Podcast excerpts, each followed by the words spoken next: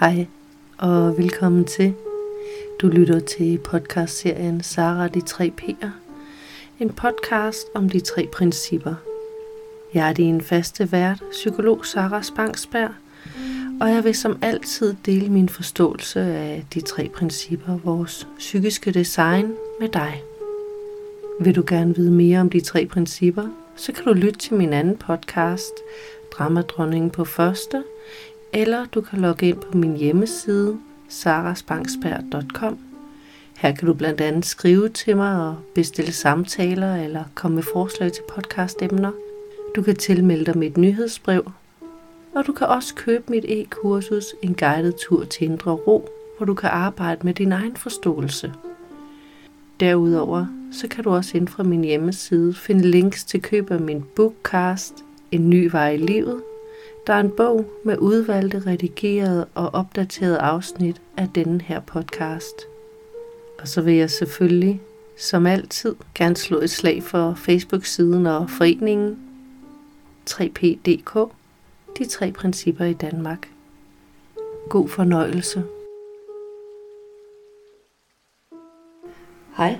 I sidste episode del 1 om relationer, der introducerede jeg vores sociale sikkerhedsvagt, der er ansat af vores biologiske flokbehov, men 100% varetager opgaven ud fra vores sindstilstand og de data, han nu lige finder væsentlige. I dag vil jeg prøve at kigge lidt nærmere ind på mit opgør med ham. Lad mig starte med at slå det helt basale fast. I modsætning til min forfædres situation – så er jeg i mit voksenliv i dag ikke afhængig af flokken.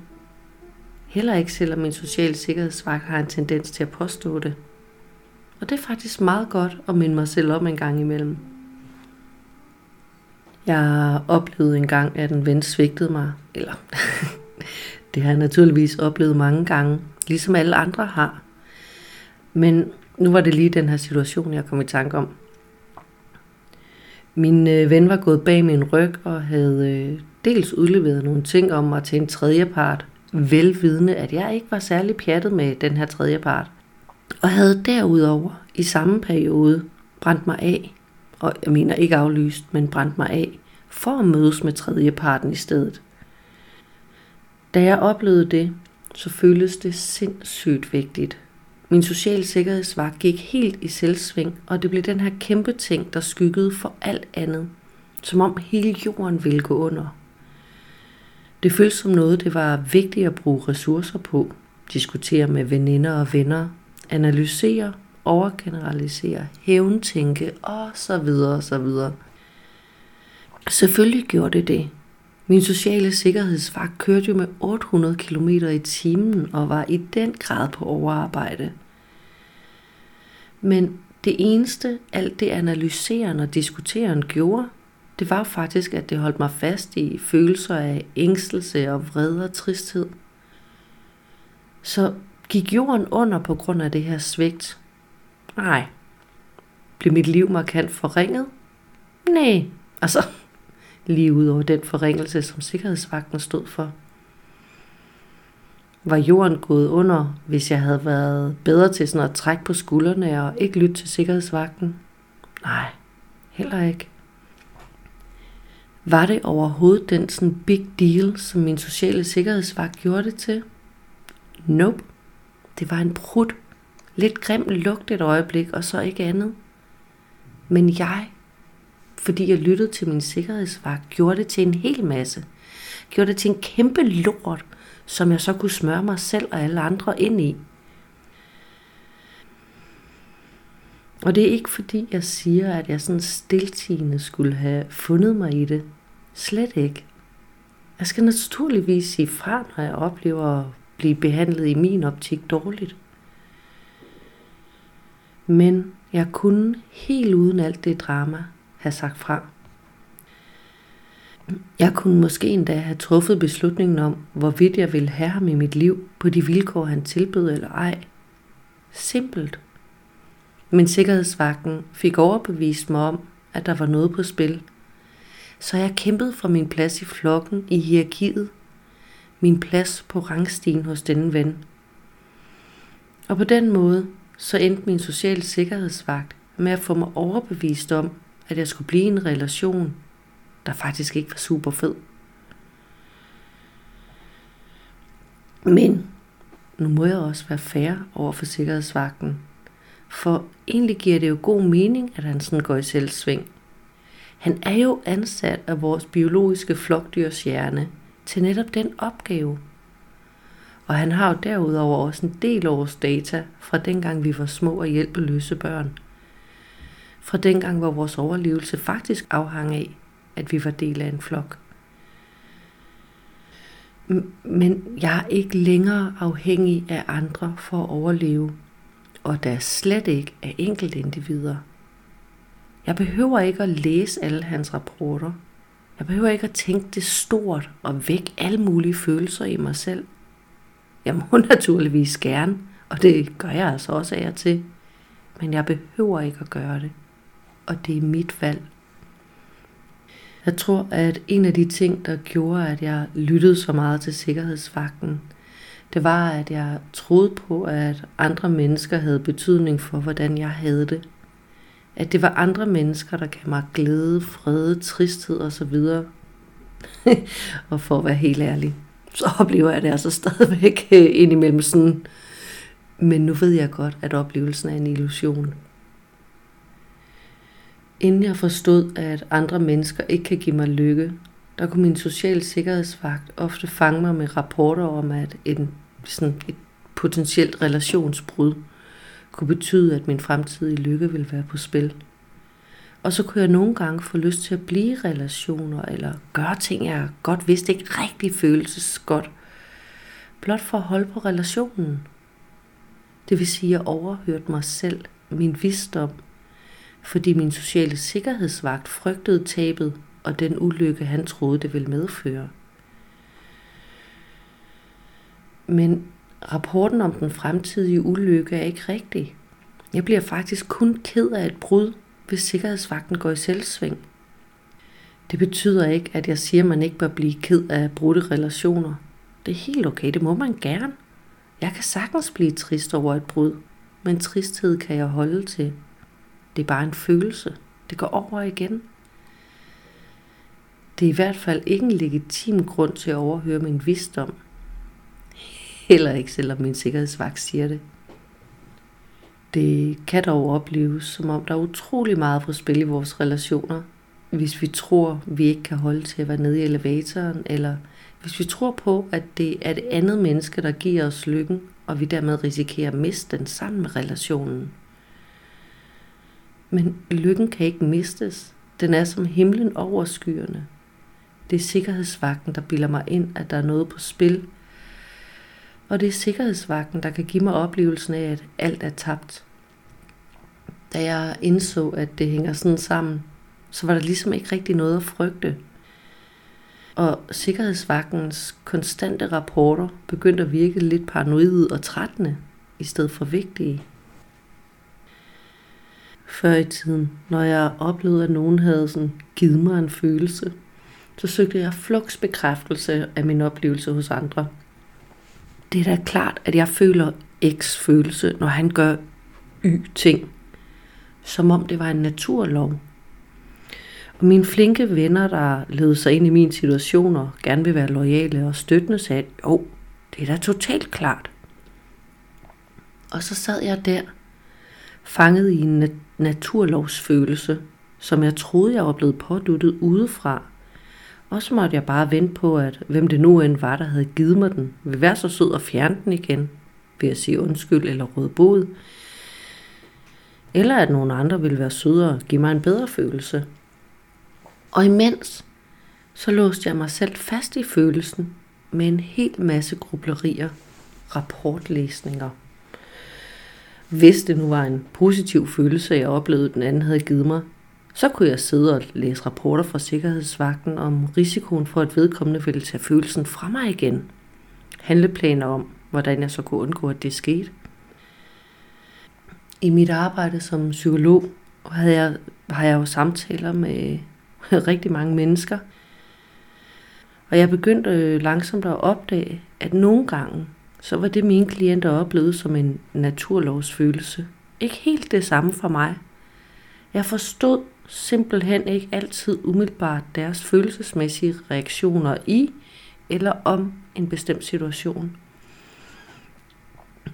Heller ikke selvom jeg sagtens kunne genkende situationen. Og jeg kunne jo så også høre på deres fortællinger, at de sandsynligvis heller ikke altid vil have forstået mine følelsesmæssige reaktioner, hvis jeg havde præsenteret dem. Samtidig opdagede jeg, at øh, når jeg så spurgte ind til, hvad de tænkte i eller om situationen, så begyndte jeg at forstå deres følelser. Når jeg kendte deres tanker om situationen, ikke situationen i sig selv, så forstod jeg følelsen. Og jeg begyndte at se, at måske var det os selv, der helt uskyldigt gennem vores tænkning skabte følelserne. Ikke situationer og folk uden for os. Den opdagelse var sådan en lettelse. For hvis andre ikke giver mig følelser, så er jeg usårlig. Jeg kan få min ro igen, blot ved ikke at lytte til sikkerhedsvagten. Okay, hvis jeg skal være helt ærlig, så er det nogle gange også lidt træls, at andre ikke er skyld i, hvordan jeg har det. Fordi det kan også nogle gange være meget rart at kunne lægge ansvaret og skylden over på dem. Men i det store hele, så synes jeg faktisk, det er en kæmpe befrielse at vide, at mine følelser ikke kan tages som gissel af andres adfærd. Når jeg selv er herre over min sindstilstand, altså når andres adfærd ikke bestemmer mine følelser, så er der ikke rigtig noget på spil. De kan gøre, som de vil, og jeg behøver ikke gøre en stor sag ud af det. Det betyder naturligvis ikke, at jeg bare finder mig i alt, men jeg kan sagtens sige fra og til, uden at ryge med på sikkerhedsvagtens drama. Sikkerhedsvagtens job er jo som sagt at være på vagt, og han er meget overbevisende, når han går i selvsving. Så selv i dag, trods min viden, så kommer jeg nogle gange til at tro på ham. Til at tro på, at der er noget på spil, og at mine følelser er afhængige af andre menneskers adfærd. Og når det først sker, så kommer der fart på. Det føles næsten som at blive kidnappet ind i en tornado. Og jo hurtigere det går, jo længere ryger jeg ned i elevatoren. Og jo længere ned i elevatoren jeg ryger, jo mindre overblik har jeg. Og jo mere dramatisk og hektisk bliver sikkerhedsvagten. Og selvfølgelig med alle de følelser, der passer til. Det kan opleves som om, der er et stormvær i gang inden i mig, og de løsningsmodeller, sikkerhedsvagten kommer op med, bliver mere og mere vanvittige og uhensigtsmæssige. Men i takt med, at jeg begyndte at se mønstret, altså at sikkerhedsvagten bliver mere og mere vanvittig, jo mere jeg lytter, så bliver det nemmere at stoppe med at lytte. Øhm, så selvom jeg ryger med, så opdager jeg det nemmere. Man siger, stormværet er ligesom blevet min røgalarm, der gør mig opmærksom på, at noget er ved at brænde på, og at det noget er inde i mig. Jeg har ikke tal på, hvor mange frustrerede sms'er og mails jeg gennem tiden har sendt til folk. Eller hvor mange planer jeg har haft om skilsmisser. Hvor mange store skænderier jeg har haft over små ting og alt muligt andet, når sikkerhedsvagten lige havde taget mig på tur ned i elevatoren og begyndt at overbevise mig om, at det jo ikke gik. For så senere, når sikkerhedsvagten havde sluppet sit tag, og min elevator igen var søgt op, og måtte erkende, at jeg nok lige overreagerede lidt. Men sådan føles det jo ikke i situationen. Sikkerhedsvagten sagde jo, at det var vigtigt, og at hans løsning var den rigtige. Og det er jo psykens store illusionskunst. Det virker vigtigt, så længe vi interagerer med sikkerhedsvagten, men kun så længe vi interagerer.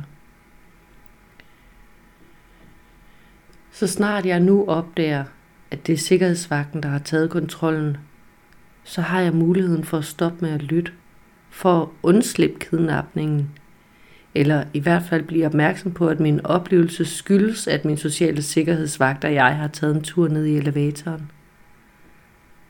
og så vente. Selvom jeg ved de her ting, så betyder det jo ikke, at jeg nu altid er helt rolig og velovervejet og i alle situationer med øh, relationer bare flyder oven på vandene. Slet ikke. Det betyder bare, at når jeg opdager, hvor jeg er, altså hvor min social sikkerhedsvagt, øh, hvad han nu lige er i gang med, så har jeg et valg.